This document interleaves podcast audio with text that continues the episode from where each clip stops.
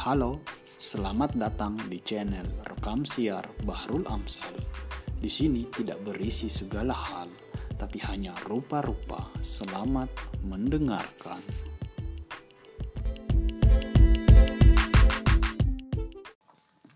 Halo, selamat sore untuk teman-teman sekalian. Assalamualaikum warahmatullahi wabarakatuh.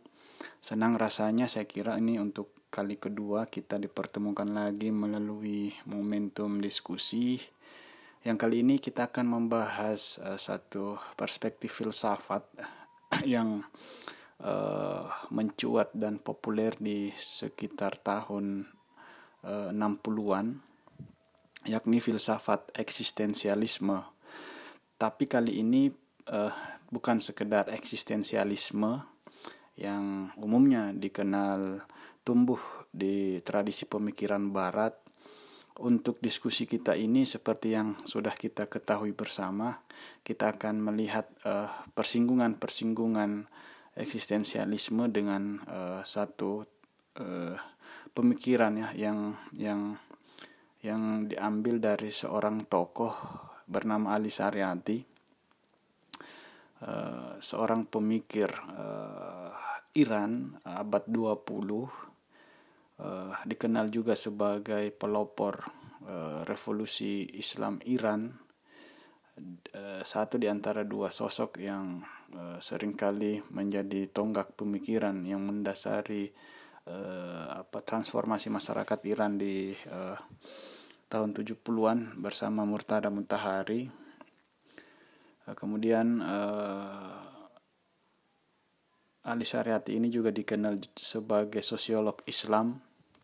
Karena memang background pendidikan uh, Ali Syariati uh, selain uh, mempelajari tema-tema filsafat barat uh, dalam hal ini marxisme dia juga uh, mengambil satu disiplin ilmu sosiologi.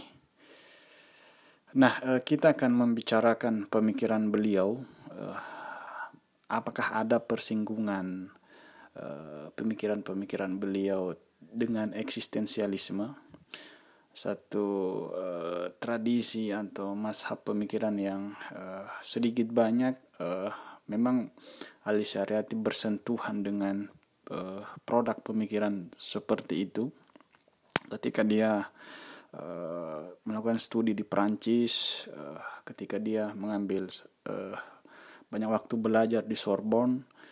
Memang eksistensialisme saat itu sedang uh, menjadi uh, tren pemikiran bagi sebagian filsuf. Dalam hal ini uh, ada Jean Paul Sartre yang uh, yang apa ya salah satu figur ya yang yang uh, tanda petik ya uh, uh, berhasil uh, merumuskan eksistensialisme itu di dalam satu definisi uh, filosofis. Uh, itu dia tulis uh, dan saya kira sudah ada bukunya yang diterjemahkan dari uh, eksistensialism is humanisme.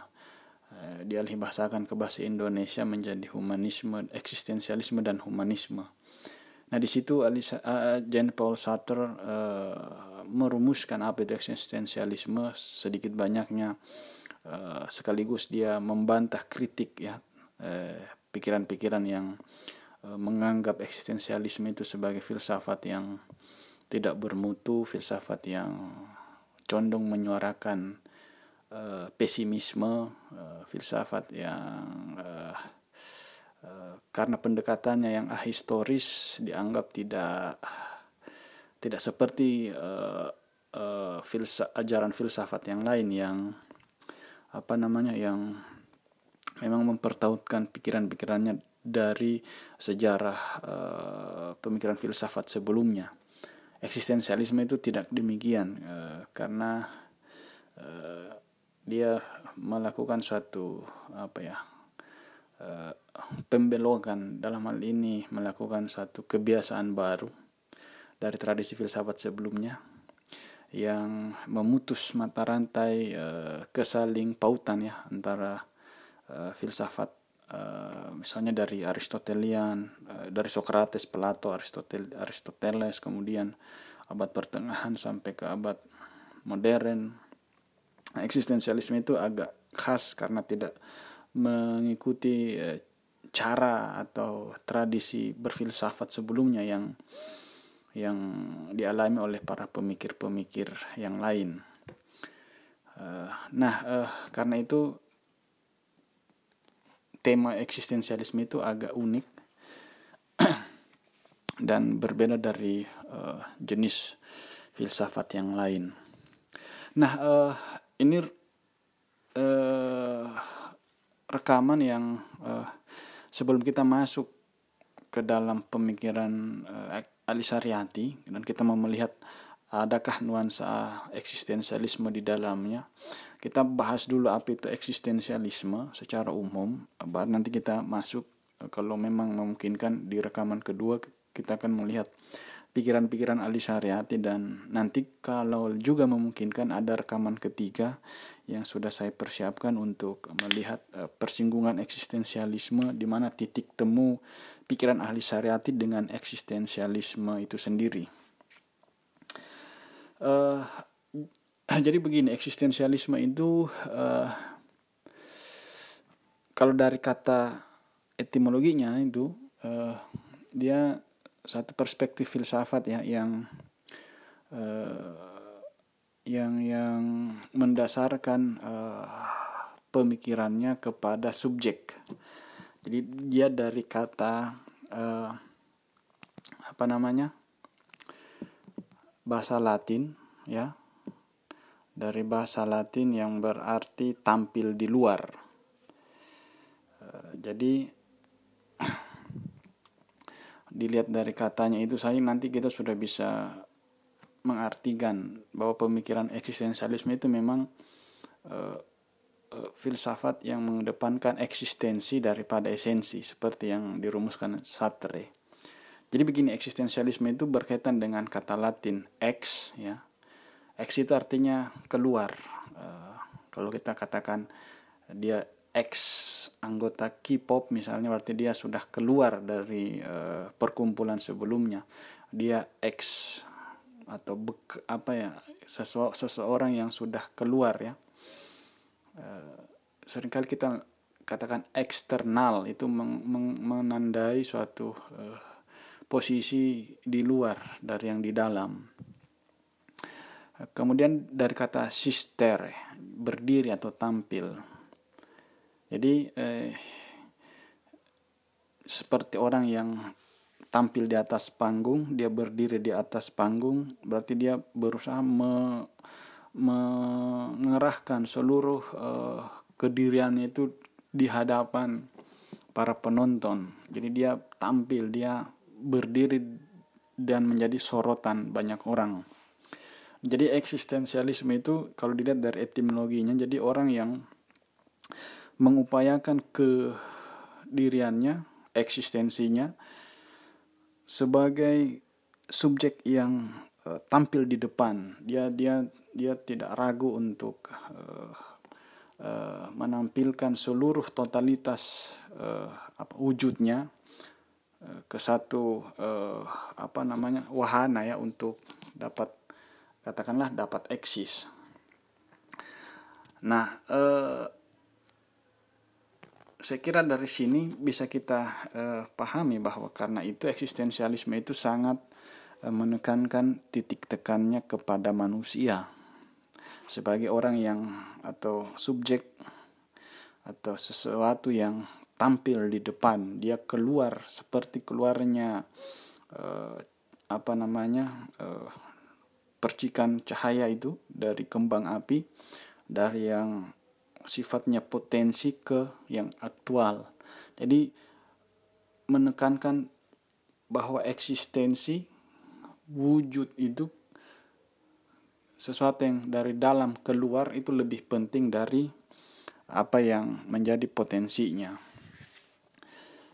Nah, itu berarti filsafat eksistensialisme ini filsafat yang kalau menurut Jean Paul Sartre sendiri adalah filsafat yang menitik beratkan perhatiannya kepada manusia, bukan kepada yang lain. Nah, ini yang tadi saya katakan dia uh, berbeda dari tradisi filsafat sebelumnya.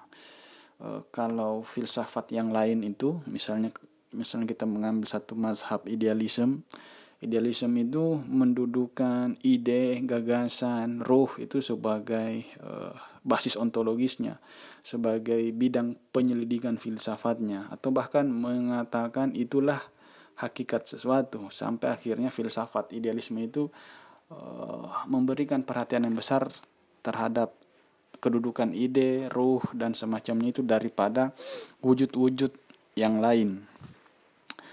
Uh, eksistensialisme uh, karena menganggap pembahasan filsafat itu akhirnya menjadi semacam uh, intellectual exercise semata tanpa pernah menukik ke dalam uh, kehidupan langsung dari manusia sehingga pada akhirnya kritiknya terhadap filsafat yang lain mengandaikan bahwa filsafat sebelum itu itu filsafat yang uh, kalau menurut uh, siapa uh, Kierkegaard itu filsafat yang demikian abstrak ya yang yang teoritik sehingga dia melupakan uh, subjek manusia yang sebenarnya adalah pelakon hidup itu sendiri. Nah, filsafat eksistensialisme itu adalah filsafat yang demikian. Jadi dia memberikan porsi yang besar kepada uh, manusia ya sebagai uh, apa namanya sebagai uh, perhatian utamanya. Kalau di buku uh, humanisme, eksistensialisme is humanisme atau eksistensialisme dan humanisme uh, karangan Jean Paul Sartre itu dia mengatakan uh, uh, eksistensialisme itu memiliki suatu prinsip yang uh, umum dikenal sebagai eksistensi mendahului esensi.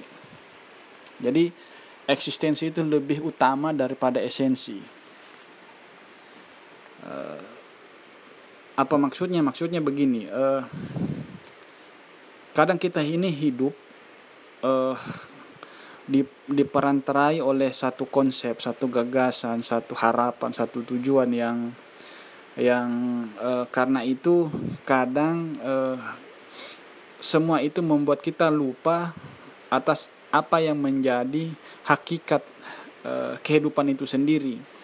Uh, sering kali kita uh, mengutamakan gagasan, konsep, makna dan semacamnya itu sampai hakikat atau pengalaman kita sebagai makhluk yang hidup di dunia konkret ini itu terlupakan Nah kata Jean Paul Sartre itu yang yang itu semua itu uh, bukanlah titik tolak dari manusia. Titik tolak manusia itu adalah eksistensinya, kehidupan konkretnya. Jadi eksistensi yang dimaksud di sini dari kata existence jadi sesuatu yang konkret, bukan esensi yang disebut disebutkan tadi itu. Jadi uh, yang mana kalau dalam filsafat idealisme itu esensi itulah yang utama. Misalnya lebih utama har ide, gagasan lebih utama makna daripada eksistensi. Sementara eksistensialisme membalik itu. Jadi yang lebih utama itu adalah eksistensi seseorang daripada esensinya. Itu yang disebut eksistensialis, eksistens, eksistensi mendahului esensi. Kita kalau berhadapan dengan orang lain itu bukan e, gagasannya, bukan pikirannya, bukan e, makna orang itu yang kita temui pertama kali, tetapi adalah eksistensi orang itu sendiri, bukan yang lain, bukan esensinya, bukan apa yang e, ada di balik yang tampak itu. Nah, kalau prinsip eksistensi eksistensialisme ini kita uh, apa namanya uh, uh, jadikan sebagai prinsip ketika kita berhadapan atau berinteraksi dengan orang lain itu yang kita hadapi adalah eksistensinya, bukan esensinya. bukan apa yang kita bayangkan atas orang itu bukan prasangka kita yang kita stereotipkan kepada orang itu tetapi pengalaman kita terhadap eksistensinya yang bersangkutan. Artinya kita berhadapan langsung dengan wujudnya bukan yang lainnya. Nah itu yang disebut uh, uh, kalau kita mengacu ke prinsip eksistensialisme Jean Paul Sartre ya seperti itu eksistensi mendahului esensi. Jadi eh, eksistensilah yang lebih utama dari eh, esensi atau dalam konteks uh, uh, uh, yang lebih spesifik yang disebut eksistensi itu adalah tindakan manusia daripada gagasannya daripada konsepnya daripada apa-apa yang kita sebut makna dan semacamnya itu. Jadi tindakan mendahului gagasan. Itu yang itu yang sebenarnya ingin ditekankan dari apa yang disebut eksistensi mendahului esensi. Nah, karena um, eksistensialisme ini menempatkan manusia sebagai uh, titik tolak filsafatnya jadi masalah-masalah atau tema-tema filsafat eksistensialisme itu adalah apa-apa yang sering kali dialami oleh manusia. Eh, bukan uh, Tuhan, bukan wujud-wujud uh, non material ya. Bukan roh absolut, bukan materialisme dan semacamnya dan semacamnya, tetapi pengalaman manusia itu sendiri. Uh, kalau kita melihat pikiran-pikiran uh, uh, uh, dari Soren Abeki Kegard, bapak eksistensialisme, ada yang dia ada yang dia sebut sebagai dilema eksistensi. Dilema eksistensi itu uh, pengalaman konkret manusia ketika dia diperhadapkan kepada beragam pilihan. Kadang kita ini menjadi uh, pusing ya galau bahkan kita mengalami apa semacam pukulan telak ya di dada kita karena kita sulit mengambil pilihan dari uh, alternatif-alternatif yang ada karena sama berharganya semua pilihan itu. Misalnya antara eh, teman-teman mau menikah atau lanjut studi S2 misalnya.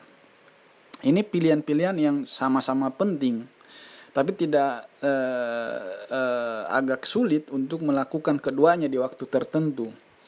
Nah, belum lagi di pilihan itu ada lagi pilihan yang lain misalnya. Misalnya kita memilih ingin menganggur misalnya atau kita memilih untuk bekerja misalnya. Ah, banyak sekali pilihan-pilihan.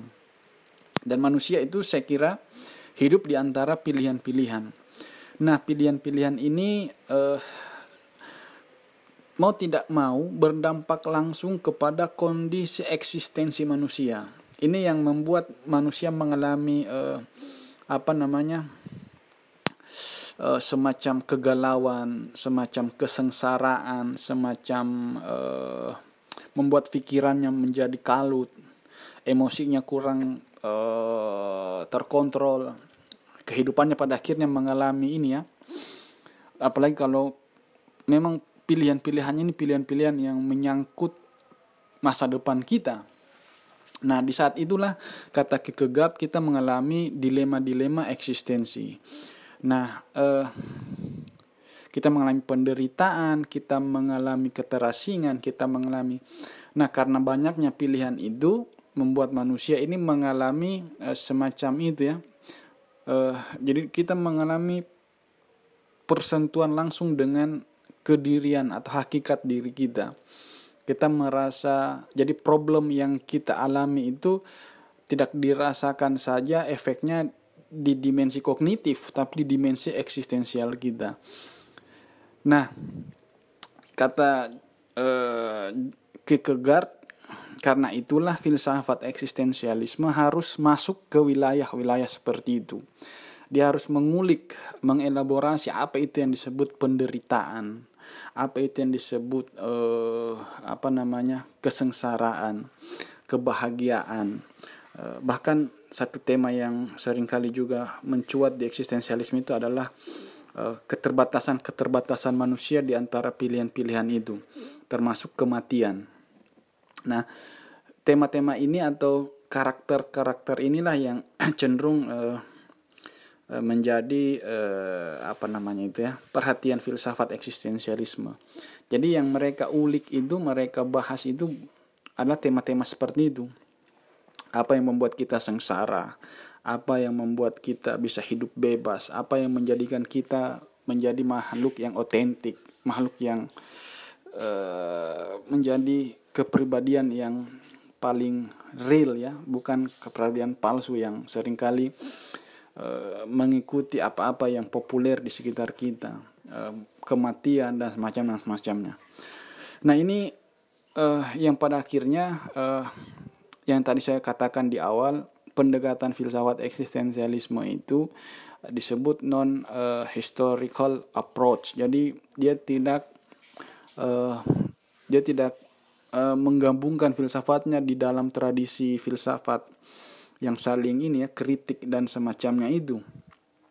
Tapi dia uh, berdiri uh, apa di luar dari arus perdebatan-perdebatan filosofis yang yang saling bertaut itu. Jadi makanya eksistensialisme itu sangat khas filsafatnya ya.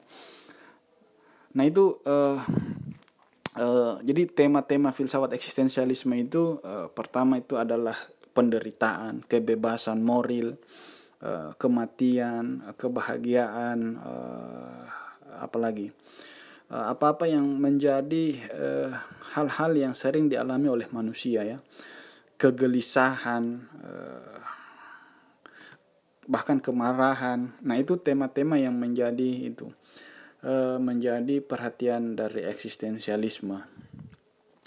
Nah uh, yang ketiga uh, beberapa tokoh sering menyatakan eksistensialisme itu adalah filsafat pemberontakan yang berarti bahwa dia ini karena uh, sangat menekankan keotentikan tindakan manusia uh, membuat filsafat ini kadang mengalami konfrontasi dengan aturan main norma-norma atau uh, tradisi yang sering kali menjadi uh, kebiasaan umum di masyarakat.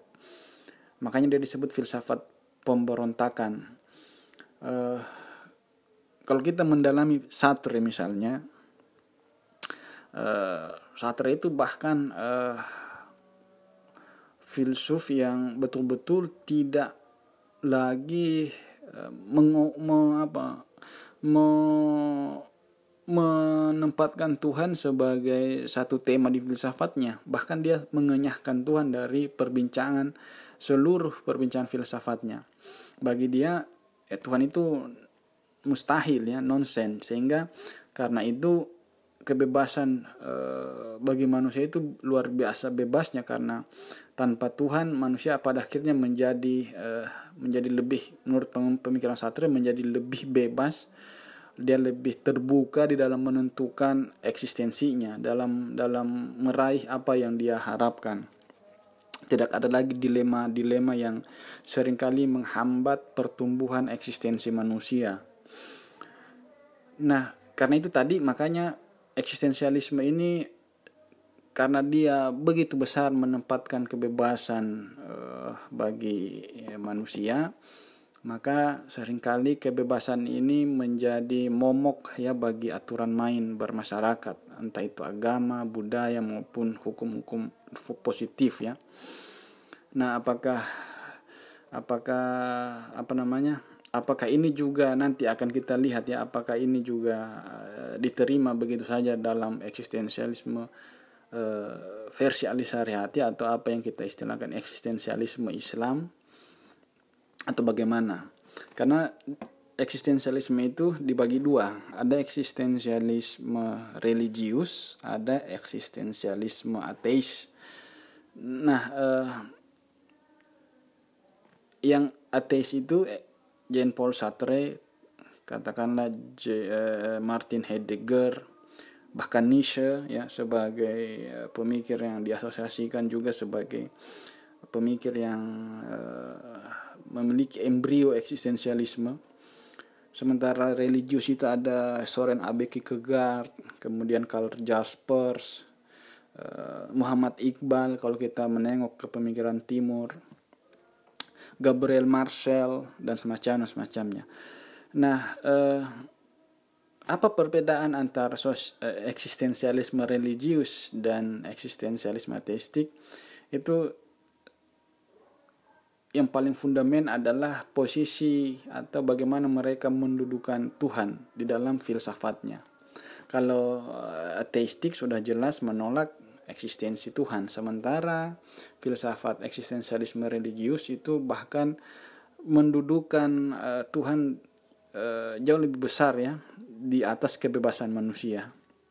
Nah ini nanti akan menarik kalau kita menempatkannya di level pemikiran eh, eksistensialisme Islam antara kebebasan dan agama, kebebasan dan Tuhan, apakah bisa dikompromi kompromikan atau bagaimana?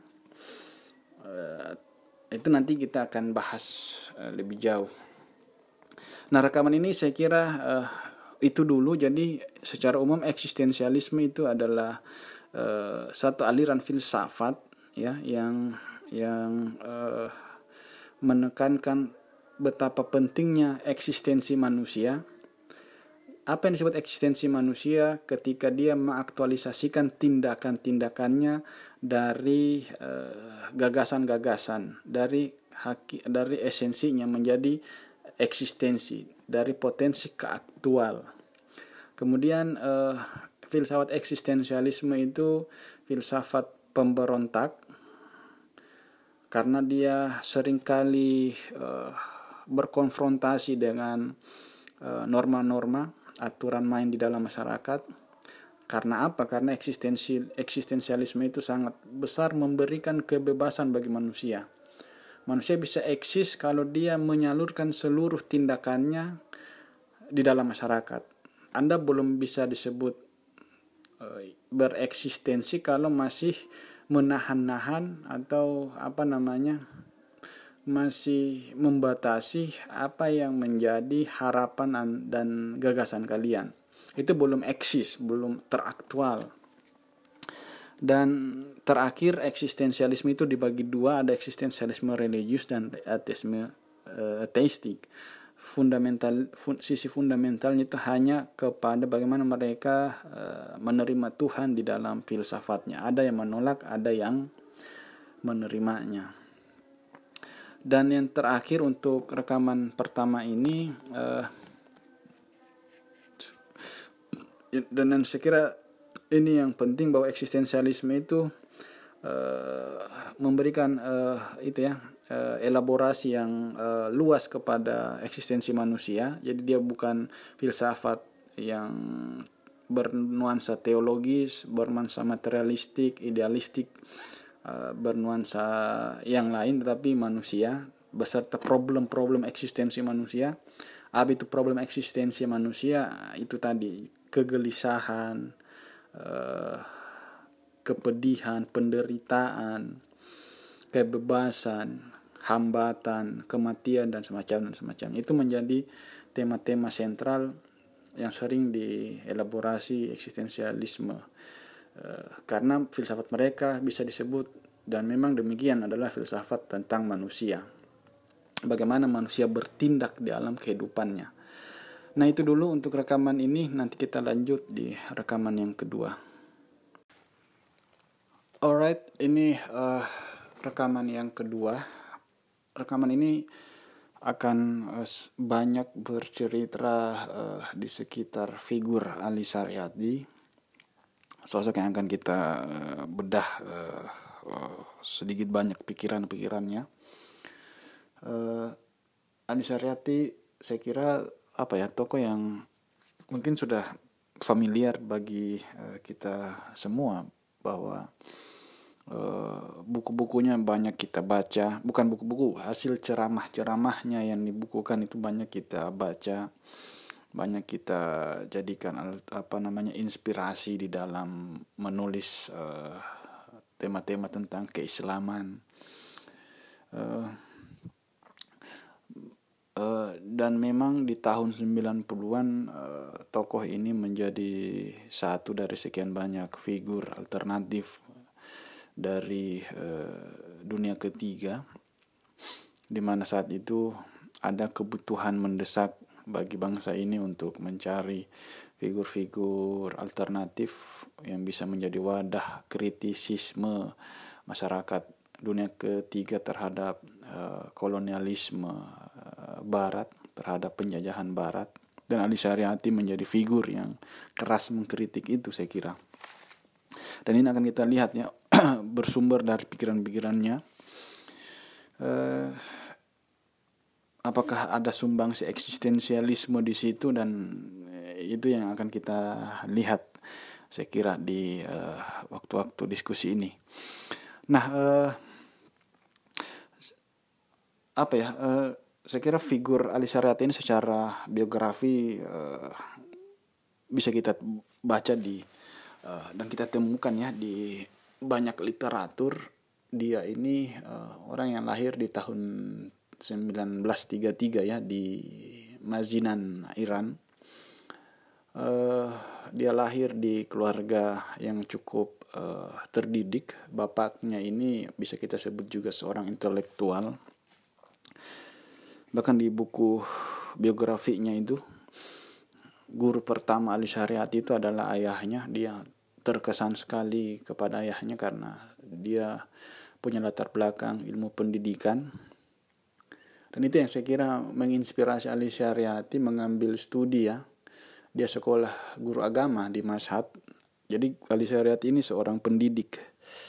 Kalau ada teman-teman di sini yang punya latar belakang ilmu pendidikan itu artinya sama dengan Ali Syariati. Ali Syariati itu sebelum melanglang buana uh, melakukan uh, studi di luar negeri dia uh, dia menamatkan dulu uh, ilmunya di, di sekolah guru agama di Masad. Itu yang juga saya kira dari situ dia mulai bahkan semasa dia menjadi mahasiswa banyak apa mengajar ya uh, di pusat-pusat pengembangan dakwah Islam dan uh, di situ uh, ada dalam satu rentang uh, kehidupannya dia bertemu dengan Murtada Mutahari Eh, dia dipertemukan ke satu wadah di mana dia mengajar dan uh, konon kalau dia yang berceramah itu lebih banyak orang tertarik karena gayanya yang retoris yang to the point langsung dan retoris tetapi berbobot sekaligus. Jadi dia ini seolah-olah kalau kita membayangkan Soekarno yang ahli pidato nah kira-kira sedikit banyak kali syariati seperti itu Nah setelah dia uh, lulus di sekolah guru agama, uh, akhirnya dia pergi ke Sorbonne Prancis atas beasiswa Iran. Nah di Prancis inilah yang menjadi uh, titik penting ya saya kira menjadi fase sejarah yang lumayan signifikan di dalam perkembangan pemikiran Ali Syariati karena di sinilah dia bersentuhan dengan uh, pendidikan ala barat di mana dia menemukan banyak sekali khasanah ilmu pengetahuan modern uh, yang uniknya Ali Syariati tidak sama sekali uh, terpukau itu dengan dengan kata lain tidak seperti intelektual Islam yang lain yang tersekularisasi. Ali Syariati tetap uh, berpijak mampu mendialogkan ilmu-ilmu tradisional Islam dengan ilmu-ilmu modern. Ini yang akan kita lihat berpengaruh sedikit banyak dan kita bisa lihat di pikiran-pikirannya tentang bagaimana dia uh, mensinkretiskan Marxisme misalnya dengan sejarah Islam, mensinon apa mensintesiskan uh, katakanlah uh, sejarah asal usul penciptaan dengan bahkan bisa merunutnya kepada suatu teori kelas masyarakat dan semacamnya. E, karena itu Ali Syariati ini menjadi intelektual yang khas. Dan itulah sebabnya banyak pemuda-pemuda Iran di masa dia kembali dari Sorbonne berhasil di tanda petik disyahadatkan ulang ya. Karena di waktu itu Marxisme begitu besar pengaruhnya di Iran. Banyak orang yang akhirnya seolah-olah uh, menganggap agama sudah ketinggalan zaman agama tidak kompatibel lagi dengan situasi saat itu maka itu pemuda-pemudi uh, terpukau dengan alternatif-alternatif pemikiran yang lain dan saat itu Marxisme sebagai produk pemikiran juga berkecambah dan berkembang di Iran dan terpukau oleh itu. Nah, di tangan Ali Syariati lah ini sedikit banyak karena peran Ali Syariati lah. Nanti banyak pemuda-pemudi Iran yang kembali uh, ke pangkuan Islam ya. Karena lewat tafsiran-tafsiran pikiran Ali Syariati lah Islam ini yang ya, di konteks saat itu dianggap dekaden dan semacamnya dibangkitkan kembali secara esensial. Menjadi satu ajaran yang uh, revolusioner, uh, ajaran yang transformatif dan uh, ajaran yang menginspirasi. Nah di Prancis uh, karena ini suatu titik yang penting Eh, di situlah nanti uh, Ali Syariati bertemu dengan pribadi-pribadi semisal uh, Louis Maxinon, kemudian Jean-Paul Sartre, bahkan Che Guevara. Ke pemikir-pemikir inilah Ali Syariati banyak berdialog ya. Dan terutama Jean-Paul Sartre. Nah, nanti di sini kita lihat ada persinggungan eksistensialisme Sartre dengan Syariati dan itulah yang sedikit banyak mau apa ya memberikan inspirasi Ali Syariati terhadap beberapa pokok-pokok pikirannya berkaitan dengan manusia. Uh, ada yang menarik satu uh, apa namanya suatu suatu suatu apa uh, uh, rekaman percakapan yang mengatakan uh, jikalau uh, Sartre ingin bertuhan atau beragama maka agamanya Ali syariat yang akan dia pilih. Kalau misalnya Jean Paul Sartre ingin beragama dan bertuhan. Ada ada ada uh, apa fragmen cerita seperti itu ini ini menandai betapa intensnya diskusi mereka berdua antara Jean Paul Sartre dan uh, Ali Syariati terutama berkaitan dengan konsep-konsep kemanusiaan. Ya nak. Oke, uh, eh, ya, nah itu itu Ali Syariati. Nah, uh, oke okay, kita masuk ya di uh, di di pikiran Ali Syariati. Saya kira pertanyaan uh, pertama yang harus kita ajukan untuk Ali Syariati adalah bagaimana dia memahami Islam. Uh, ini penting sekali karena Ali Syariati memang menaruh porsi utama ya terhadap Islam sebagai inspirasi kehidupannya bahkan inspirasi pemikiran-pemikirannya. Nah karena itu Islam ini uh, di di di apa namanya untuk Ali Syariati itu ditafsirkan ulang ya. Uh, satu mod, model pemikiran yang uh, akan kita lihat berbeda dengan tipikal Islam yang yang anti perubahan Islam yang uh, Islam yang konservatif yang fundamental uh, legal formalistik itu. Tapi di Ali Syariati Islam ini menjadi inspirasi ya menjadi semacam uh, sumber uh, pemahaman yang baru di dalam menerjemahkan problem-problem kehidupan modern. Jadi dia bukan ajaran klasik yang terpaut berabad-abad dari kehidupan primitif masyarakat Arab yang sederhana, yang uh, terbelakang, tetapi dia bisa menginspirasi di dalam mengeluarkan masyarakat dari problem-problem di kehidupan modernnya. Nah, uh, pertama Ali Syariati kalau kita melihat uh, pikiran-pikirannya itu itu uh, ada satu poin penting di mana dia membahas manusia sebagai ini ya sebagai sebagai uh, apa namanya nanti menjadi figur ya menjadi uh, elemen penting di dalam pikirannya karena biar bagaimanapun manusia ini adalah khilafah dalam terma atau terminologi agama tetapi khilafah atau khalifahnya ini maksud saya seperti apa? Nah Ali Syarati membedah ulang ya dia menceritakan lagi kembali bagaimana uh, struktur penciptaan Adam untuk melihat uh, apa namanya pendasaran baru dan manusia apa yang ingin kita tampilkan di dalam uh, cerita Al-Quran berkaitan dengan penciptaan Adam. Nah, uh, saya kira kita sama-sama tahu uh, menurut Al-Quran itu kita ini diciptakan dari banyak unsur yang disebut unsur-unsur yang hina. Umumnya kita katakan berasal dari lumpur, tanah tembelikar, bahkan Al-Quran menyebut air mani, yang semua ini uh, dijelaskan di Al-Quran di berbagai ayatnya di di di di, di Al-Quran itu sebagai uh, entitas yang uh, rendah ya. Entitas yang tidak sama sekali mulia ya.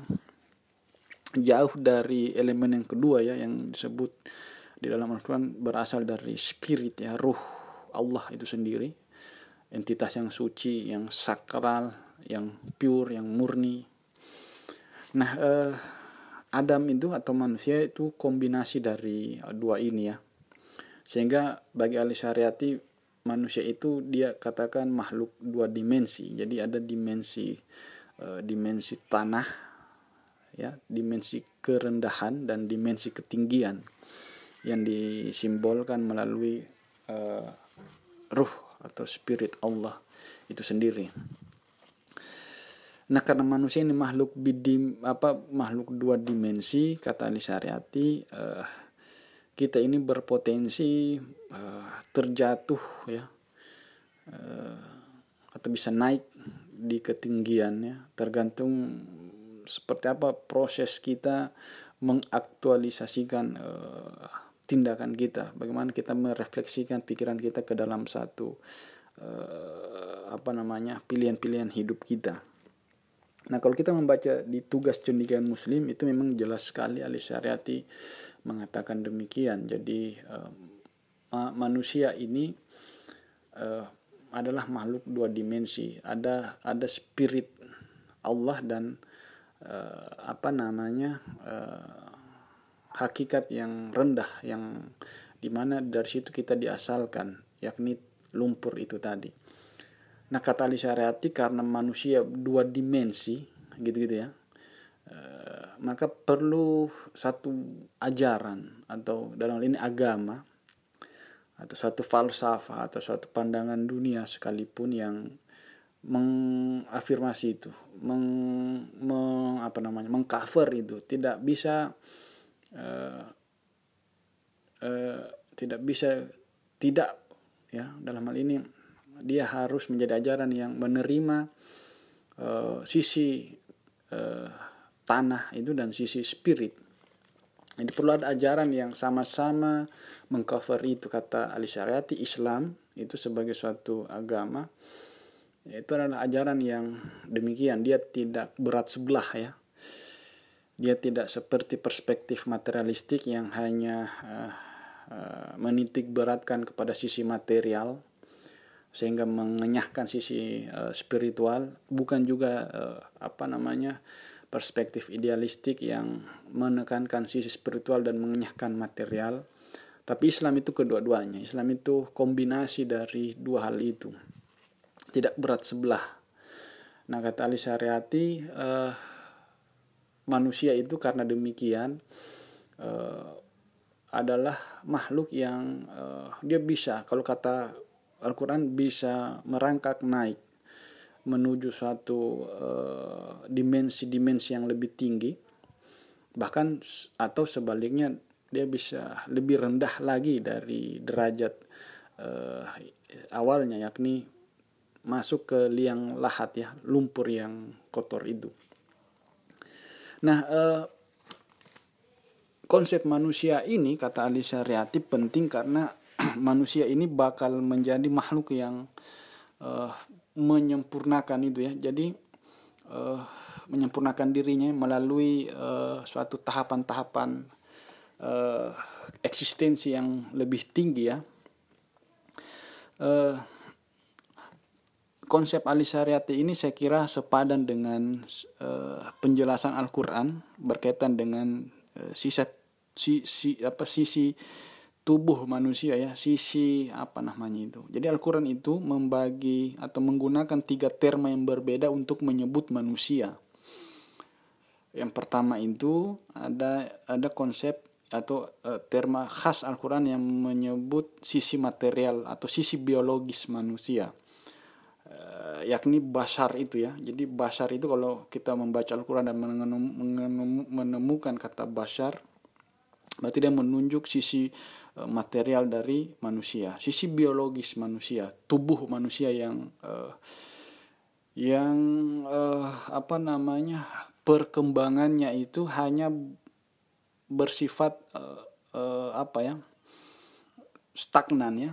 Artinya basar itu tubuh kita ini hanya bisa berkembang hanya lewat makan kemudian minum dan aktualisasi dari libido uh, itu libido hasrat atau seksualitas kita.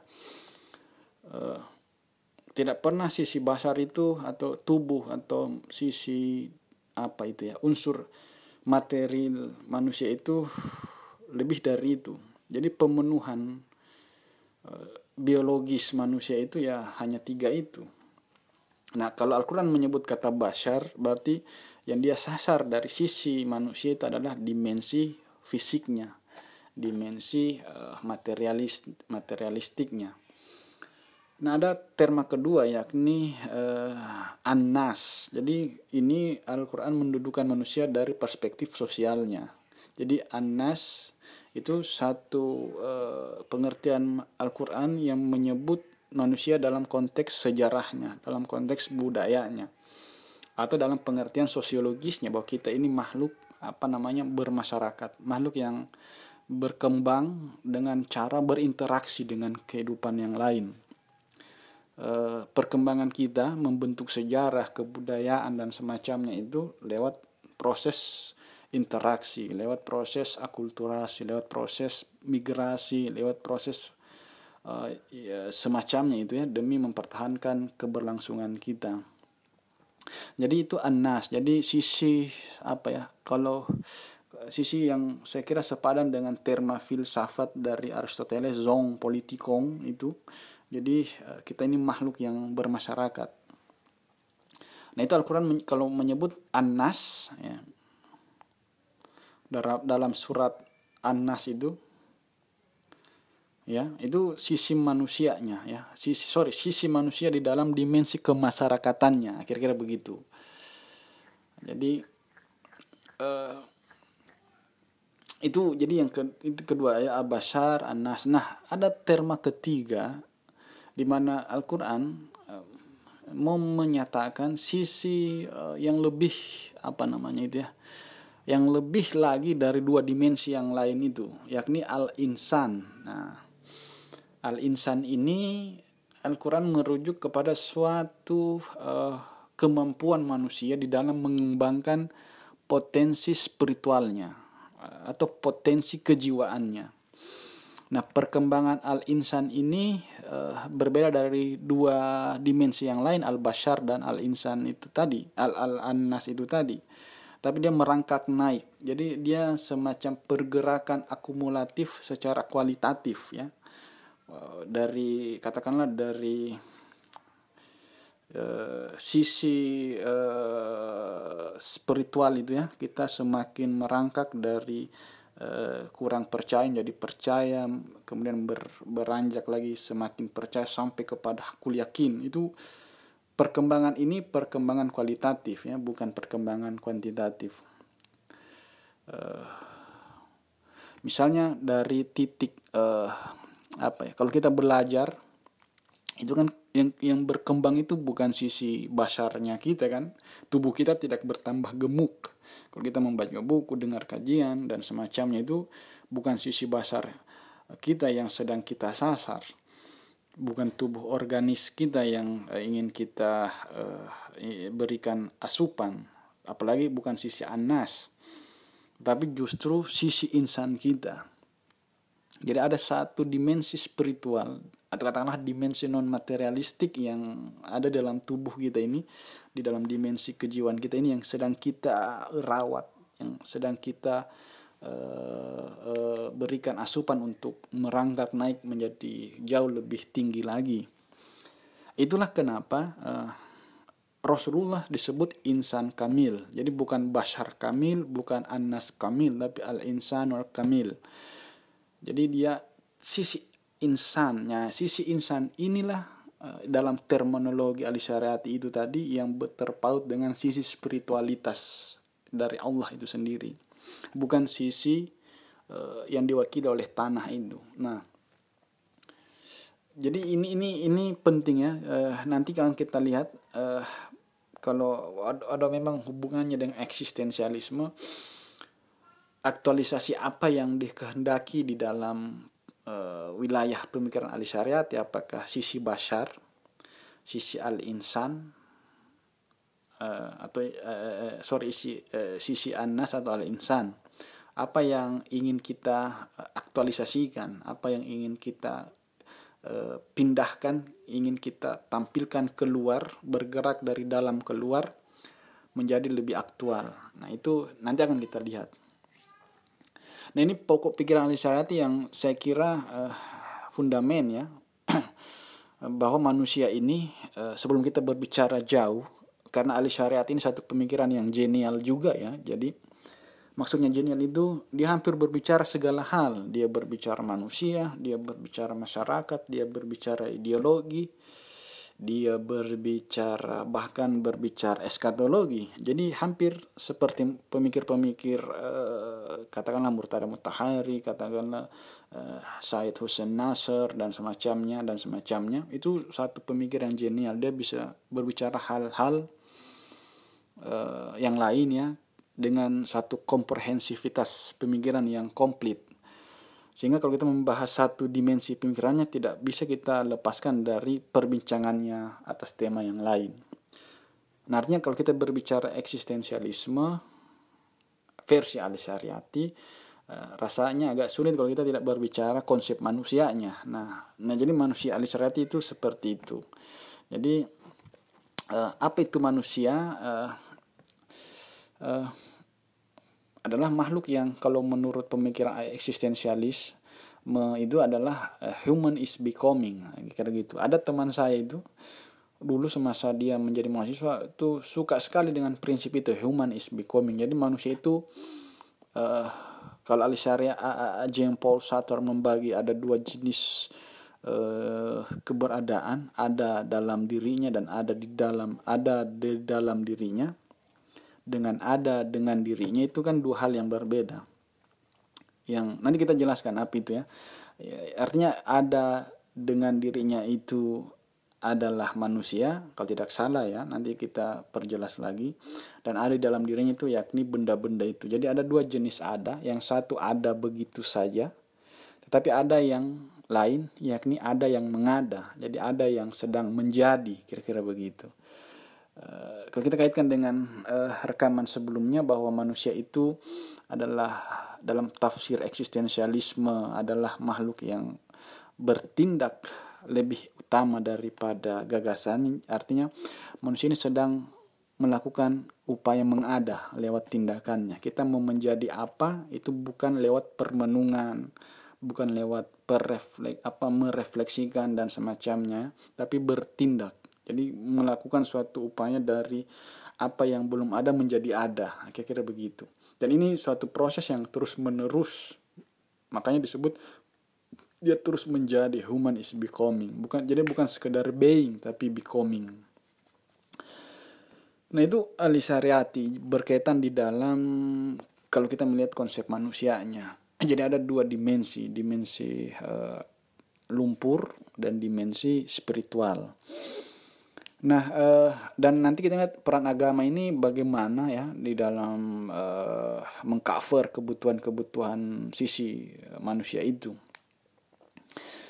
Uh, yang kedua saya kira ini yang juga patut kita bahas karena ada hubungannya dengan perbincangan kita berkaitan eksistensialisme adalah uh, kalau tadi apa namanya itu Soren Abe Kierkegaard itu membahas sudah saya bahas sedikit tentang dilema-dilema eksistensi bahwa manusia itu sering kali dihadapkan kepada pilihan-pilihan berharga dan itu kadang juga menjadi faktisitasnya apa itu uh, menjadi hambatan-hambatannya untuk mengada.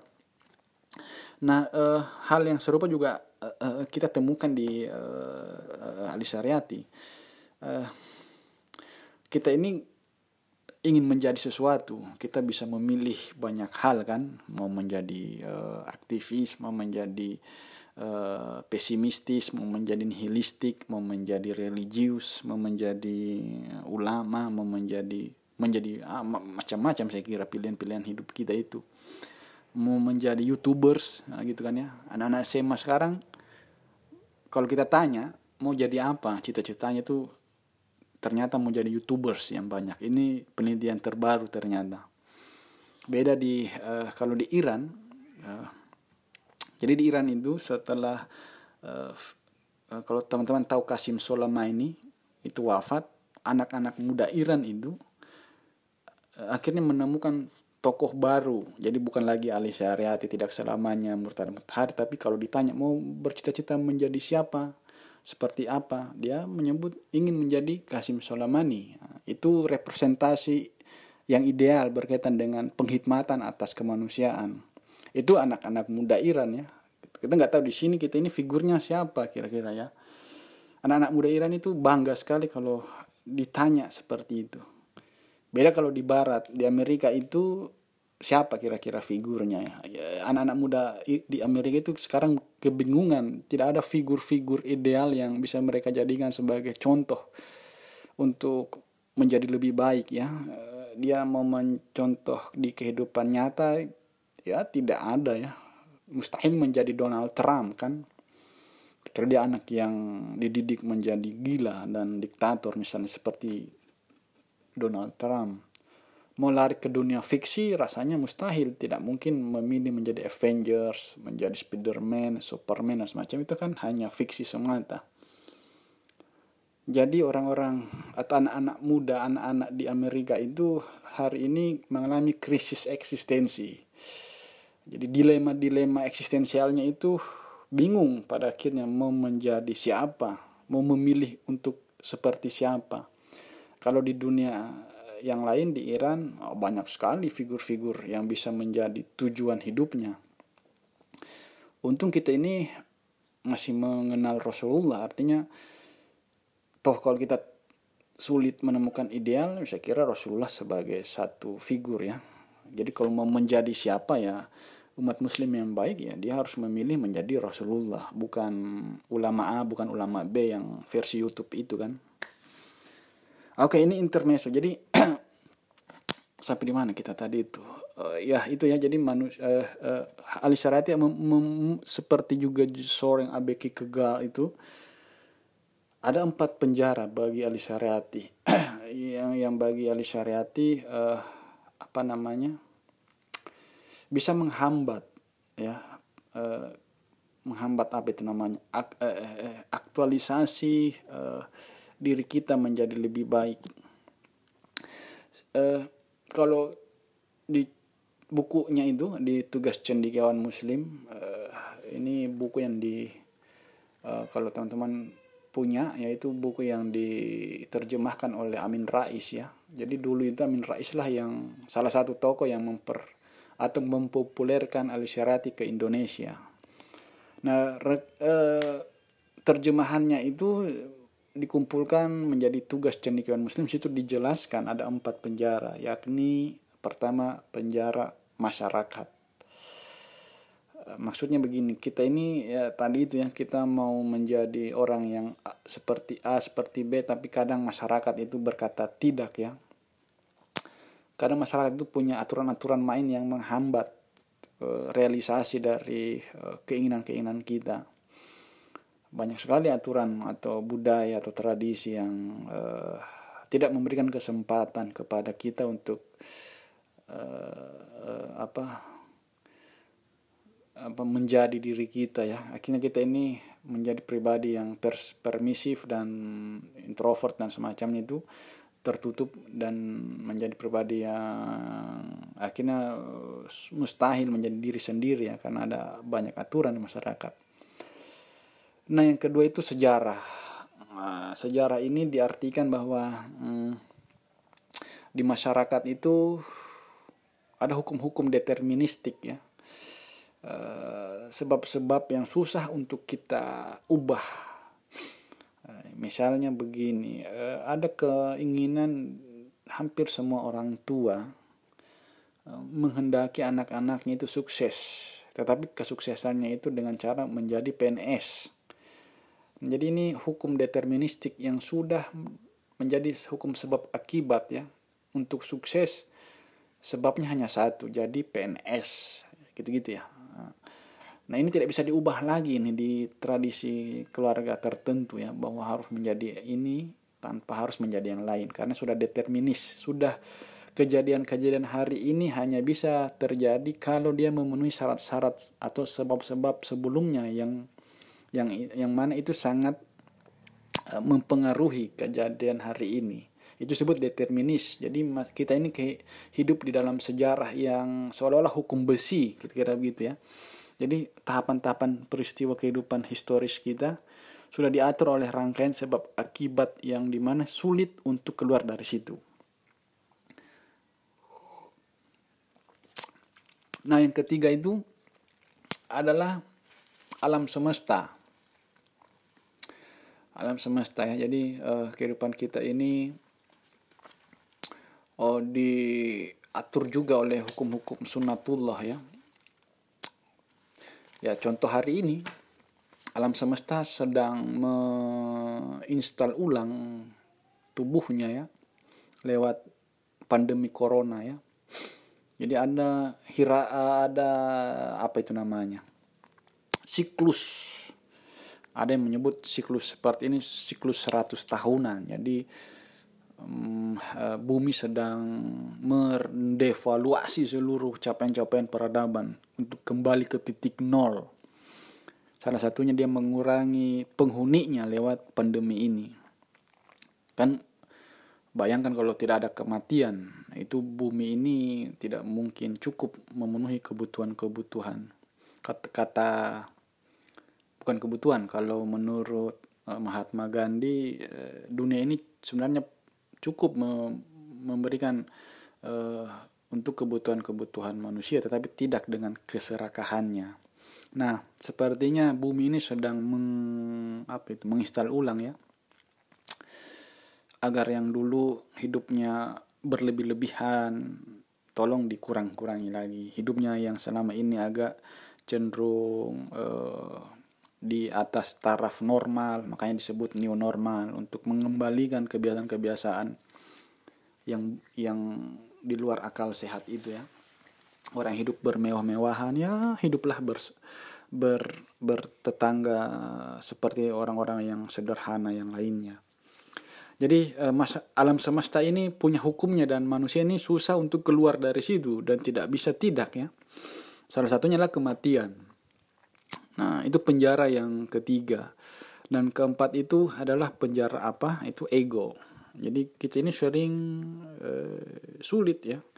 Karena ada ego ada ada ini penjara yang paling besar. Apa namanya itu? Paling besar uh, intervensinya uh, di dalam kehidupan manusia. Karena ego lah yang merintangi kita di dalam kedekatan kita dengan Tuhan. Ego lah yang merintangi kita untuk mengangkat Eh, taraf kesadaran kita, egolah yang menghambat penghikmatan kita kepada orang tua, egolah yang uh, mengurangi jatah sedekah kita, egolah yang membuat kita sulit beribadah, dan egolah yang membuat kita hidup di dalam malas-malasan itu. Nah kata Alisarat empat penjara ini itu uh, apa namanya empat hal yang uh, sulit di, di, di apa namanya dinyahkan ya bahkan selalu ada di dalam kehidupan manusia dan ada ada obatnya, ada penawarnya sebenarnya kata Ali Syariati dan apa itu? Ya simpelnya kata Ali Syariati adalah cinta. Nah, bagaimana mekanisme dan seperti apa pengoperasian cinta di dalam membebaskan manusia dari empat penjara itu? Nah, ini ini yang saya kira juga menarik untuk kita uh, ulik. Nah, uh, apa relevansinya dengan eksistensialisme atau apa kebutuhan kita untuk menjelaskan ini adalah bahwa uh, tadi eksistensialisme itu kan uh, perspektif filsafat yang kadang uh, mengambil uh, konteks kehidupan manusia atau masyarakat dari keterbatasan-keterbatasannya. Bagaimana manusia bisa melangkahi itu, keluar dari hambatan-hambatan uh, di dalam kehidupannya. Nah, Ali Syariati ini justru juga memiliki pemikiran yang senada dengan itu bahwa ada empat hal yang menghambat perkembangan eksistensi manusia. Perkembangan tubuhnya, perkembangan jiwanya, dan bahkan perkembangan spiritualnya. Empat itu adalah uh, sejarah, masyarakat, uh, kemudian alam semesta, dan ego. Nah, empat ini bisa uh, mengejawantah bisa tampil dengan beragam bentuknya ya bisa bisa berwujud macam-macam di kehidupan sehari-hari kita nah bagaimana cara kita mengenalinya itu makanya dibutuhkan semacam kata Alisariatis perlu suatu pandangan dunia pandangan dunia ini suatu ideologi tertentu yang menjadi uh, apa spirit of uh, action atau uh, orang yang apa pemikiran yang mendatangkan inspirasi, gagasan yang melahirkan tindakan nyata. Uh, dan pandangan dunia ini uh, menurut Alif Syariati adalah Islam itu sendiri sebagai solusi uh, atas seluruh problem uh, bahkan kritiknya terhadap kehidupan uh, atau pemikiran filsafat Barat itu sendiri.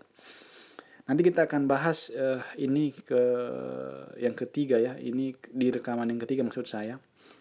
Bagaimana Ali Syarati menafsirkan Islam sekaligus di rekaman itu pula akan kita lihat seperti yang saya janjikan persinggungan-persinggungannya dengan eksistensialisme.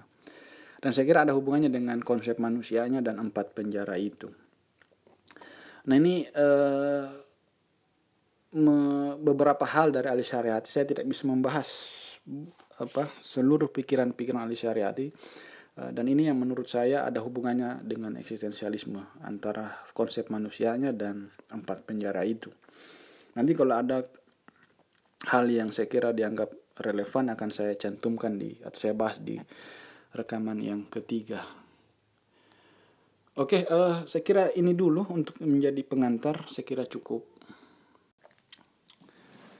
teman-teman sekalian uh, pertama-tama ingin saya katakan sebenarnya kalau teman-teman uh, sudah mendengarkan rekaman yang pertama dan yang kedua itu sudah bisa menjadi semacam pengantar untuk uh, meraba-raba ya untuk memahami uh, pemikiran ahli syariati.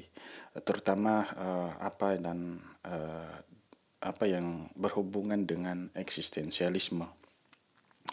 Uh, yang uh, yang yang artinya sebenarnya uh, rekaman ketiga ini hanya bersifat suplementer hanya memperkaya beberapa bagian yang saya anggap uh, masih perlu dieksplorasi uh, terutama uh, menyangkut uh, tauhid ya atau Islam sebagai pandangan dunia yang saya jelaskan di rekaman sebelumnya yang uh, yang oleh Ali Syariati uh, tidak sebatas agama ritual formalistik tetapi dia uh, menjadi suatu ajaran yang dinamis, ajaran yang menginspirasi sehingga uh, bisa menjadi uh, tilikan bagi uh, umat muslim di dalam rangka untuk membebaskan uh, dirinya dari keterpurukannya. Dalam hal ini artinya kita mesti uh, mengetahui konteks uh, uh, hidup ya atau riwayat hidup dari Ali Syariati mengapa ia mengatakan demikian. Uh, bahwasannya uh, konteks pemikiran dan kehidupan Ali Syariati itu lahir di di suatu situasi uh, bangsa Iran yang uh, yang uh, dipimpin oleh seorang uh, rejim ya seorang pemimpin yang diktatur uh, pemimpin yang totaliter dan gejala umum yang paling banyak terlihat di saat itu adalah uh, apa yang dalam istilah sosiologi disebut westernisasi atau pembaratan besar-besaran. Sehingga uh, implikasinya bagi Ali Syariati itu menghilangkan uh, ciri khas atau kepribadian uh, dari bangsa Iran itu sendiri yakni uh, satu bangsa yang dalam sejarahnya adalah bangsa yang besar bangsa Parsi yang memiliki uh, watak uh, manusia yang uh, dikdaya apalagi ketika bangsa Parsi mengenal Islam Eh, dengan itu mereka menjadi uh, bangsa yang besar ya dengan tradisi pemikiran yang panjang uh, basis-basis kesenian yang kuat basis-basis uh, agama yang kokoh dan semacamnya. Tetapi karena dipimpin oleh rezim Shah Pahlavi bangsa Iran mengalami secara pelan-pelan ya tanpa disadari mengalami kemunduran setidaknya uh, tiga hal yang menandai itu yakni terjadinya dehumanisasi, uh, yang kedua terjadinya uh, alienasi, dan yang ketiga adalah kehilangan jati diri. Jadi tiga ini yang marak ya dan menjadi problem utama ketika Ali Syariati itu mendaras pikiran-pikirannya. Dan eksistensialisme kalau kita katakan demikian yang di yang diusung oleh Al Syariati eh, sedikit banyak ada berkorelasi dengan hal-hal seperti itu. Uh, saya, saya harap eh, teman-teman juga sudah membaca tulisan saya.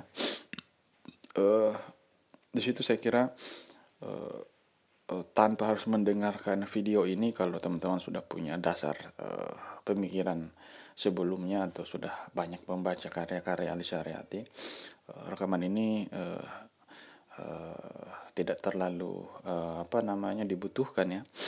Tetapi ya saya kira kita perlu untuk uh, dialektikakan pemahaman kita atas Ali Syariati.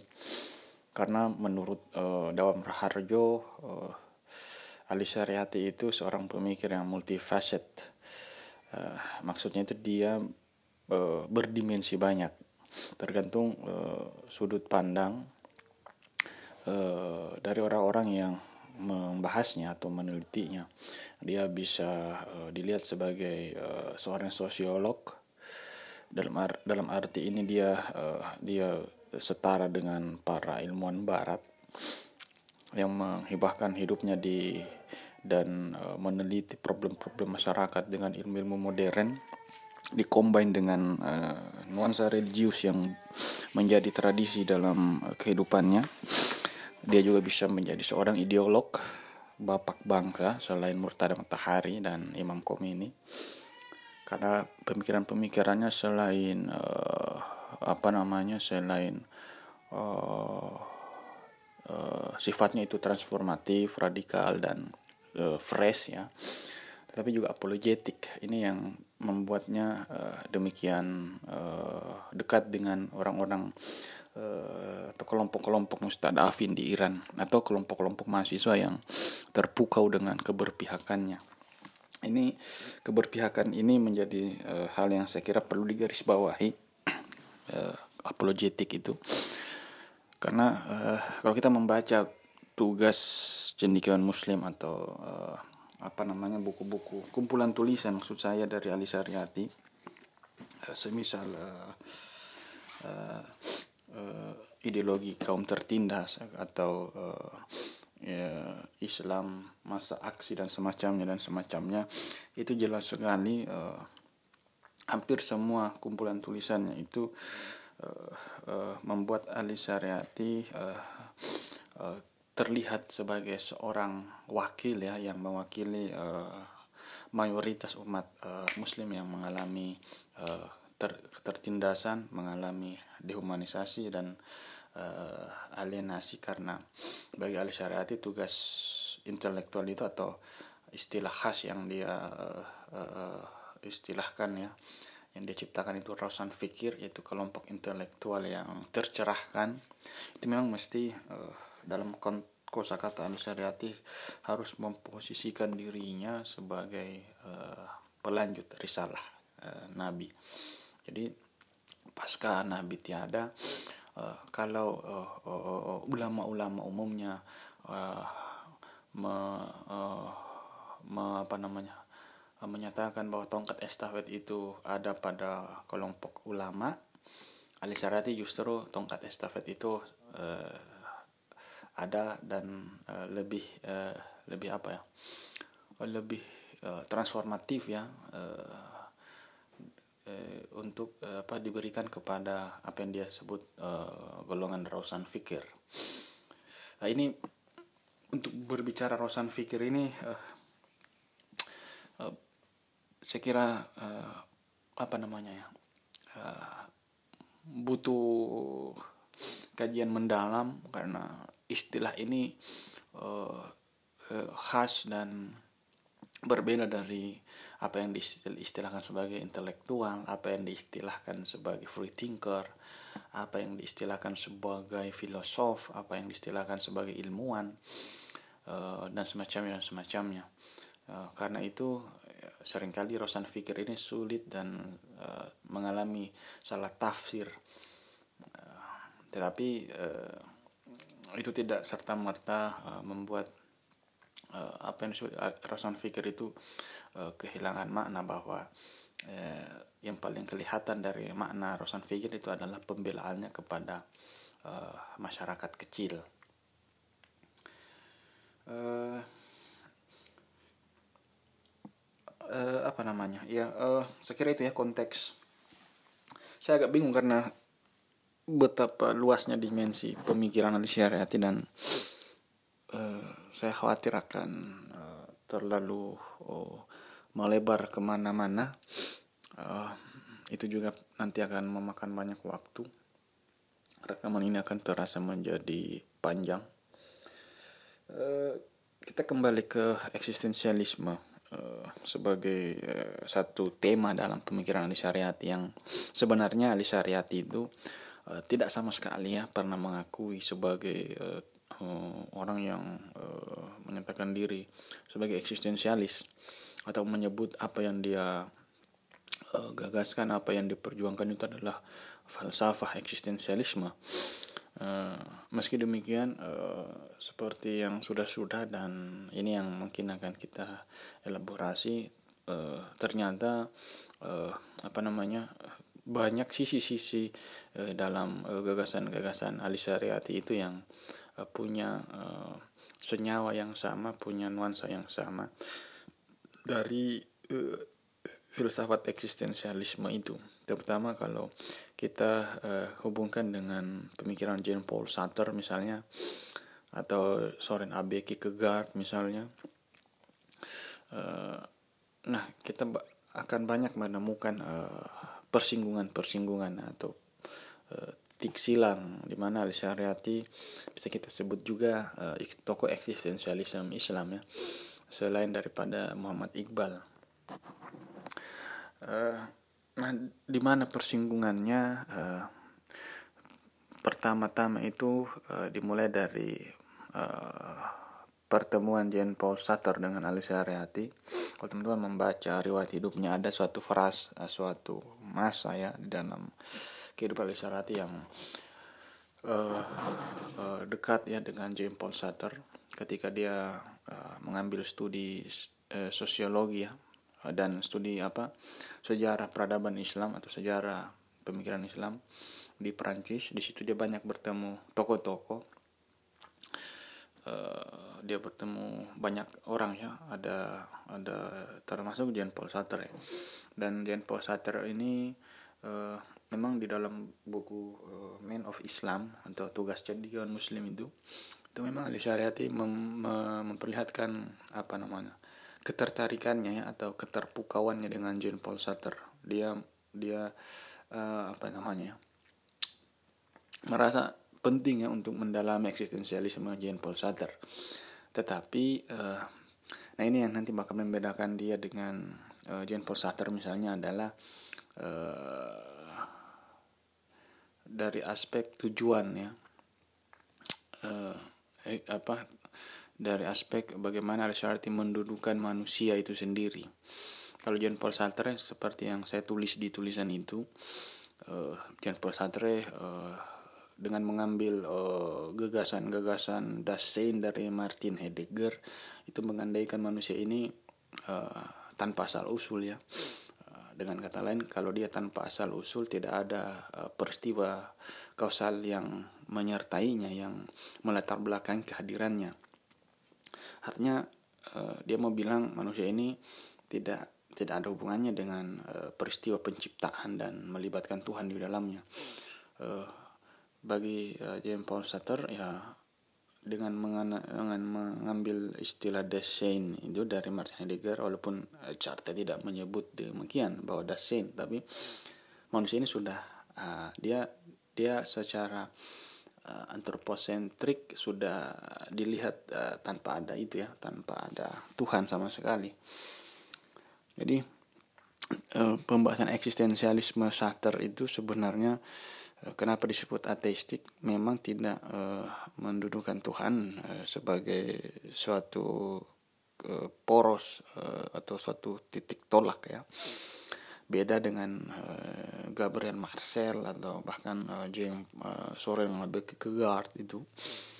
Begitu juga Lisariati uh, memadukan ini ya, bahwa uh, kalau Jean Paul Sartre itu menganggap kontradiksi antara kebebasan dengan Tuhan uh, tidak mungkin akan didamaikan tidak mungkin menjadi seorang eksistensialis di satu sisi masih uh, terbebani dengan aturan-aturan agama, budaya, tradisi dan semacamnya. Tetapi bagi ahli syariati justru uh, nanti kita akan lihat uh, uh, justru ketika uh, visi dan tujuan ini kita arahkan kepada Tuhan lah maka itu yang yang disebut uh, kondisi yang paling eksistensialis bagi manusia. Artinya ketika uh, manusia uh, Uh, mengaktualisasikan seluruh tindakan-tindakannya di bawah visi tauhid dalam arti menyandarkan tindakannya dengan uh, Tuhan justru di situlah uh, tindakan otentik sebagai makhluk yang merdeka.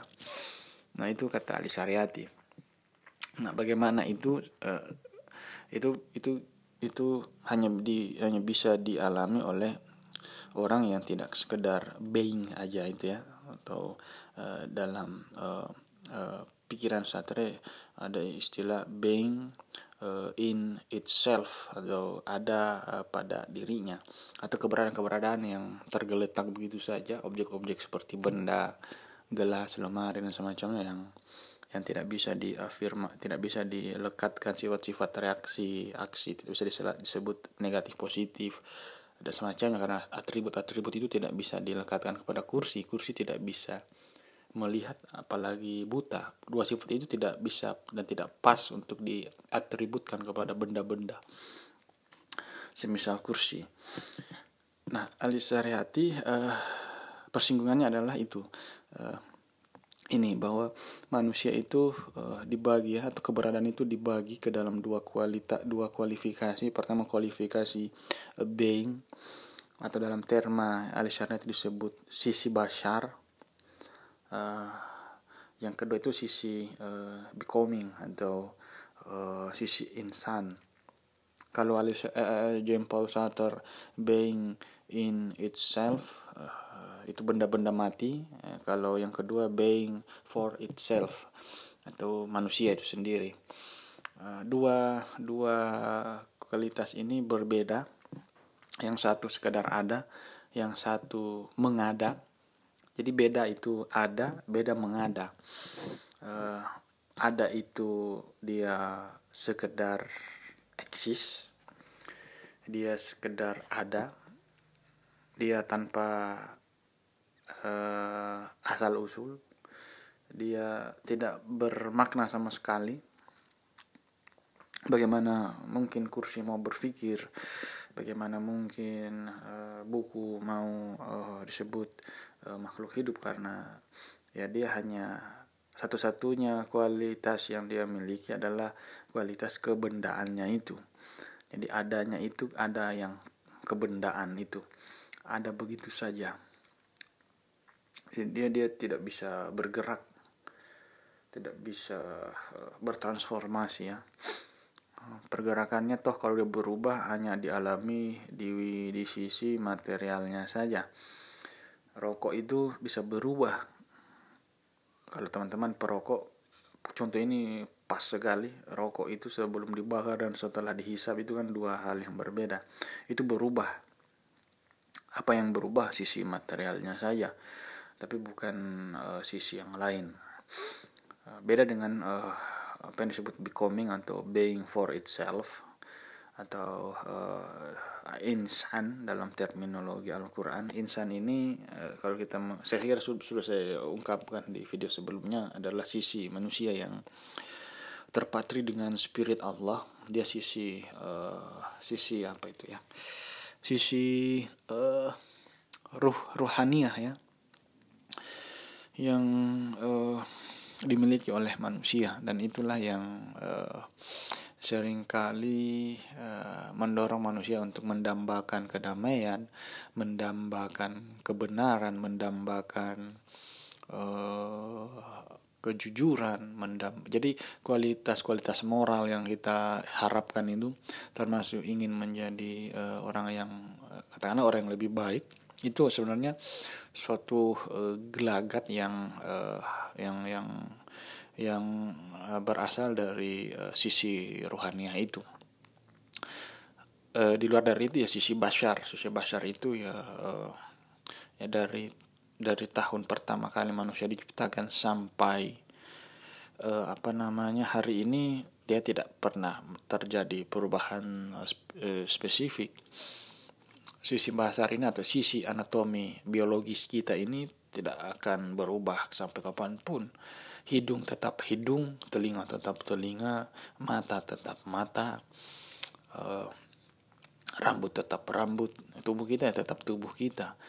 Sekalipun Anda melakukan oplas atau semacam itu, tetap aja yang Anda uh, dapatkan adalah mata Anda tetap mata Anda, bukan bukan berubah menjadi yang lain kan?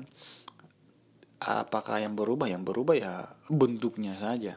Bentuk itu kan hanya se sebagai uh, uh, apa dia hanya sisi lahiriah saja. Beda dengan sisi rohania manusia. Hari ini anda mungkin menjadi seorang religius. Besok-besok mungkin anda menjadi seorang yang terpuruk. Hari ini mungkin anda taat anda sangat beriman anda sangat uh, sangat dekat dengan Allah tetapi suatu waktu mungkin Anda uh, mengalami keterpurukan dan itu mengubah seluruh struktur eksistensi kalian. Sehingga kalian menjadi pribadi yang uh, malas, pribadi yang pesimistis uh, dan akhirnya terperanjat di kehidupan uh, uh, yang hina dina kan. Uh, ya nonton aja itu film-film di Indosiar ya yang setiap pagi diputar itu versi uh, kisah nyata atau istri-istri yang teraniaya. Itu suami-suaminya itu itu suami-suami yang tidak sama sekali uh, uh, bertindak melalui sisi insannya saling menyayangi saling mendamaikan tapi sisi basarnya dia atau perempuan-perempuan pelakor itu kenapa mereka selalu mengharapkan harta dan semacamnya itu karena sisi basar saja. Eh, dan itu tidak akan pernah terpuaskan. Atau kalau puas itu itu aja. Justru sebenarnya semakin anda memuaskan diri untuk itu semakin anda tidak merasakan kenikmatan. Kopi gelas pertama itu nikmat sekali kalau anda uh, menikmatinya pasca uh, berjalan jauh kemudian singgah di warkop terus menikmati kopi gelas pertama oh itu luar biasa apalagi diimbangi dengan rokok surya atau malboro misalnya. Itu seolah-olah uh, tenang hidup kita. Duduk di suatu siang yang terik ya di dalam warkop yang adem ayem dan uh, menemukan cita rasa kopi yang uh, tiada duanya ah, itu nikmat sekali itu itu gelas pertama enak tapi kalau anda mencoba di gelas kedua oke okay, masih masih enak karena masih ada rokok dan semacamnya masih berdiskusi itu membuat anda terabaikan dari kopi yang kedua itu tapi kalau Anda menikmati gelas ketiga, pindah warkop lagi, menemukan teman baru dan ngopi lagi di gelas keempat, gelas kelima, gelas seterusnya itu, itu tidak ada enaknya lagi. Justru Anda akan muntah-muntah, Anda akan merasakan sakit perut dan semacamnya. Begitu juga kalau Anda beli makanan dan semacamnya ya. Atau apa-apa yang Anda penuhi dari sisi basar itu semakin Anda memenuhinya, semakin tidak nikmat sebenarnya. Justru dia hanya mendatangkan penyakit Beda kalau sisi insan, sisi rohani ya. Sisi rohani itu semakin dia dipenuhi, semakin kita ingin. Uh, jadi dia ingin selalu meminta lebih.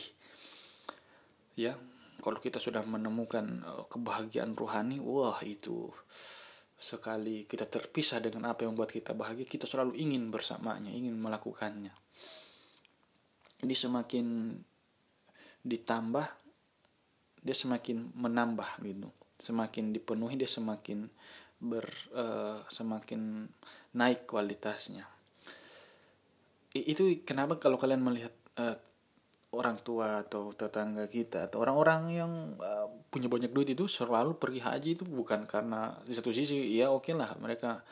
Tapi itu karena itu haji itu ada orang yang bisa berkali-kali bukan bukan bukan pamer. Ada orang-orang yang memang merasakan kebahagiaan rohani berhaji itu. Ingin sekali selalu di haji apa di Mekah? Kalau perlu ya tinggal di Mekah kan kan ada seorang ulama itu saking rindunya dengan Mekah ya tidak pulang-pulang lagi ke negeri. Ya Indonesia itu mungkin karena itu tadi kebahagiaan rohaninya itu terpenuhi di sana. Dan dia selalu ingin bersama dengan apa yang membahagiakannya. Dan kebahagiaan itu selalu dekat dengan aspek rohaniah kita. Nah, kata Ali Syariati, faktor inilah yang membuat manusia menjadi uh, apa namanya? Selalu ingin mengaktualisasikan dirinya ke level yang lebih sempurna lagi. Atau dalam pengertian ini, insanlah yang memungkinkan manusia untuk bisa menjadi pribadi yang eksistensialis. Jadi uh, bukan basar, bukan sekedar ada tapi menjadi. Nah, menjadi ini suatu proses ya satu proses bukan ada kalau ada itu kan pengandaiannya statik ya dia fix final dan uh, tetap kalau menjadi kita bisa menjadi apa pun. Bisa menjadi macam-macam tergantung uh, bagaimana upaya kita mendorong kualifikasi diri kita dari sisi basar ke sisi insan. Uh, itu itu itu uh, itu role moldnya kalau kita melihat kehidupan Nabi kenapa Rasulullah disebut insan kamil insan yang sempurna? Itu karena Rasul memang sudah me, apa namanya sudah mengupayakan sejak dari kecil ya dirinya itu bergerak dari basar ke sisi insan. Lewat permenungan di Gua Hiro lewat penggembelengan menjadi gembala banyak peristiwa-peristiwa dalam hidup Rasulullah itu yang sebenarnya kalau kita melihat sisi eh, dari sisi insannya, sisi ruhannya itu sebenarnya suatu proses bagaimana Rasulullah apa yang disebut oleh syariati mentransendensikan dirinya. Ya, menyempurnakan dirinya dari aspek-aspek material merangkak naik ke level eksistensi yang ilahiyat. Dan orang kalau dia kepingin ingin menjadi itu ya bisa. Artinya kalau Anda ingin menjadi seperti eh, Rasulullah bisa. Gimana caranya? ya, ikuti bagaimana Rasul menjalani hidupnya kira-kira begitu nah ini uh, persinggungan eksistensialisme yang saya kira uh, uh, gampang sekali kita ukur ya antara Alisara dan Jean Paul Sartre. Ada dua termin yang sepadan tetapi Jean Paul Sartre tidak seperti Ali Syariati kalau kita menanyakan Sartre apa tujuan akhir dari proses eksistensialisme manusia? Sartre hanya mengatakan ya bahkan bisa ber berakhir di nihilistik. Bahkan bagi eksistensialisme barat itu kematian adalah akhir segalanya. Makanya faktisitas atau situasi-situasi yang membatasi manusia termasuk kematian itu adalah situasi yang paling uh, apa ya yang paling besar dan paling tidak bisa dihindari oleh manusia yakni akhir dari hidupnya itu. Tetapi kalau dalam sistem uh, eksistensialisme Islam versi uh, Ali Syariati kematian sebenarnya hanya satu fase untuk berjalan meniti kesempurnaan diri manusia dari sisi besar ke sisi yang lebih sempurna lagi. Uh, menarik ini saya kira ini satu sisi persinggungan. Kemudian um, uh, persinggungan uh, ya ini sudah 27 menit. Uh, empat penjara itu saya kira teman-teman uh, sudah paham betul ya uh, historisism, uh, sosiologism, kemudian naturalism dan psikologisme empat penjara ini jadi masyarakat itu ya historis historisisme itu atau sejarah itu eh, semacam menjadi kerangkeng ya yang di mana manusia tidak bisa keluar dari sejarahnya. Anda kalau lahir di keluarga yang eh, miskin ya dalam sinetron-sinetron pasti dia akan miskin terus itu tidak ada uh, kemampuan untuk keluar dari sejarah keluarganya yang karut marut dan semacamnya. Anda kalau uh, lahir di keluarga kaya, takdir Anda itu indah sekali. Seperti Rafathar itu itu anak yang lumayan ini ya, beruntung itu lahir di keluarga seperti Raffi Ahmad. Itu sejarah. Jadi kita ini dibentuk oleh sejarah sering kali sejarah menjadi penjara kita dan mensituasikan kita bahkan bisa membuat kita teralienasi dari uh, pribadi kita yang otentik. Kedua itu sosiologisme artinya masyarakat ini sering kali uh, begitu kuat memengaruhi kehendak bebas kita. Kita kehilangan jati diri karena khawatir berbeda dengan banyak orang. Ada imperatif imperatifnya, ada paksaan-paksaan yang uh, di, diawali dari atau bersumber dari kolektivisme yang uh, luar biasa kuat ya. Anda kalau ikut demonstrasi yang Anda alami itu bukan pengalaman diri Anda tapi pengalaman kolektivisme. Anda hilang di dalam tengah masa itu. Sekalipun Anda punya kesadaran, masa itu jauh lebih besar pengaruhnya. Dan kolektivisme itu uh, kadang mengerahkan orang ya menjadi brutal. Masa itu atau gerombolan ya crowd itu brutal menjadi beringas tanpa perasaan. Dia kelompok yang menghilangkan rasionalisme sisi akal sehat manusia. Anda kalau di dalam keramaian kadang uh, mengalami histeria. Tanpa anda sadari anda akan mengalami pribadi yang berbeda singkatnya Anda kehilangan jati diri Anda. Anda bukan Anda di dalam keramaian itu. Yang berlaku adalah sifat-sifat keramaian itu. Nah, uh, itu eh, sosiologisme. Kemudian uh, ada naturalisme. Naturalisme atau ya saya sebutkan di rekaman sebelumnya adalah alam semesta. Pandangan naturalisme ini atau alam semesta ini ya uh, satu perspektif yang menyatakan manusia ini hanya sekedar benda biologi semata. Tidak ada sisi kreativitas yang yang atau sisi uh, rohania ya kita ini ibaratnya sama dengan binatang yang lain cuman agak sedikit map uh, mapan aja. Kalau kita membaca karangan Harari Noah Harari itu ya kita ini sapiens yang kebetulan aja melakukan revolusi di berabad-abad lalu dan karena kondisi alam lah alam lah yang membuat kita sadar bukan kesadaran yang menentukan alam itu sendiri tapi karena kehidupan kita yang diajarkan melalui pengalaman-pengalaman melalui geografi yang ekstrim melalui iklim yang senang tiasa berubah melalui kehidupan yang serba tak pasti kita menghadapi hal-hal demikian itu itu yang ini yang membuat kita berpikir. Kita mulai berpikir karena itu ya. Nah, artinya kita ini sebenarnya didikannya itu bukan didikan kesadaran yang otonom tapi alam yang menjadi uh, guru kita bukan kesadaran itu sendiri. Nonton aja film Tarsan Tarsan itu ya contohnya begitu. Jadi dia dididik alam dan dia menjadi seperti itu karena alam. Beda kalau dia lahir di di peradaban yang lain mungkin ceritanya bisa berbeda. Nah yang terakhir uh, psikologisme ego. Ego ini ya ini yang paling paling ini ya kata Alisyarati ya ini penjara yang paling buruk ini. Karena dia dialami tidak seperti yang lain berlaku eksternal ini internal ini. Sampai-sampai Rasulullah mengatakan jihad paling besar itu jihad melawan diri sendiri kan. Nah itu ini harus ditaklukkan dan kata Syarati semua itu bisa dinetralisir kalau kita punya cinta. Nah Islam itu sebenarnya agama cinta agama damai agama yang demokratis agama yang moderat agama yang uh, berbelas kasih ya. Bukan agama yang suka marah-marah ya. Bukan agama yang suka gontot-gontotan bukan suka yang bukan agama yang suka emosional gitu gitu nah cinta itu kalau kita memeras sedikit aja itu inti tauhid sebenarnya intinya cinta. Nah, kata Ali Syariati semua penjara itu itu itu bisa bisa apa namanya bisa dialah penawar dari segala penyakit atau the four prison of man itu empat penjara manusia.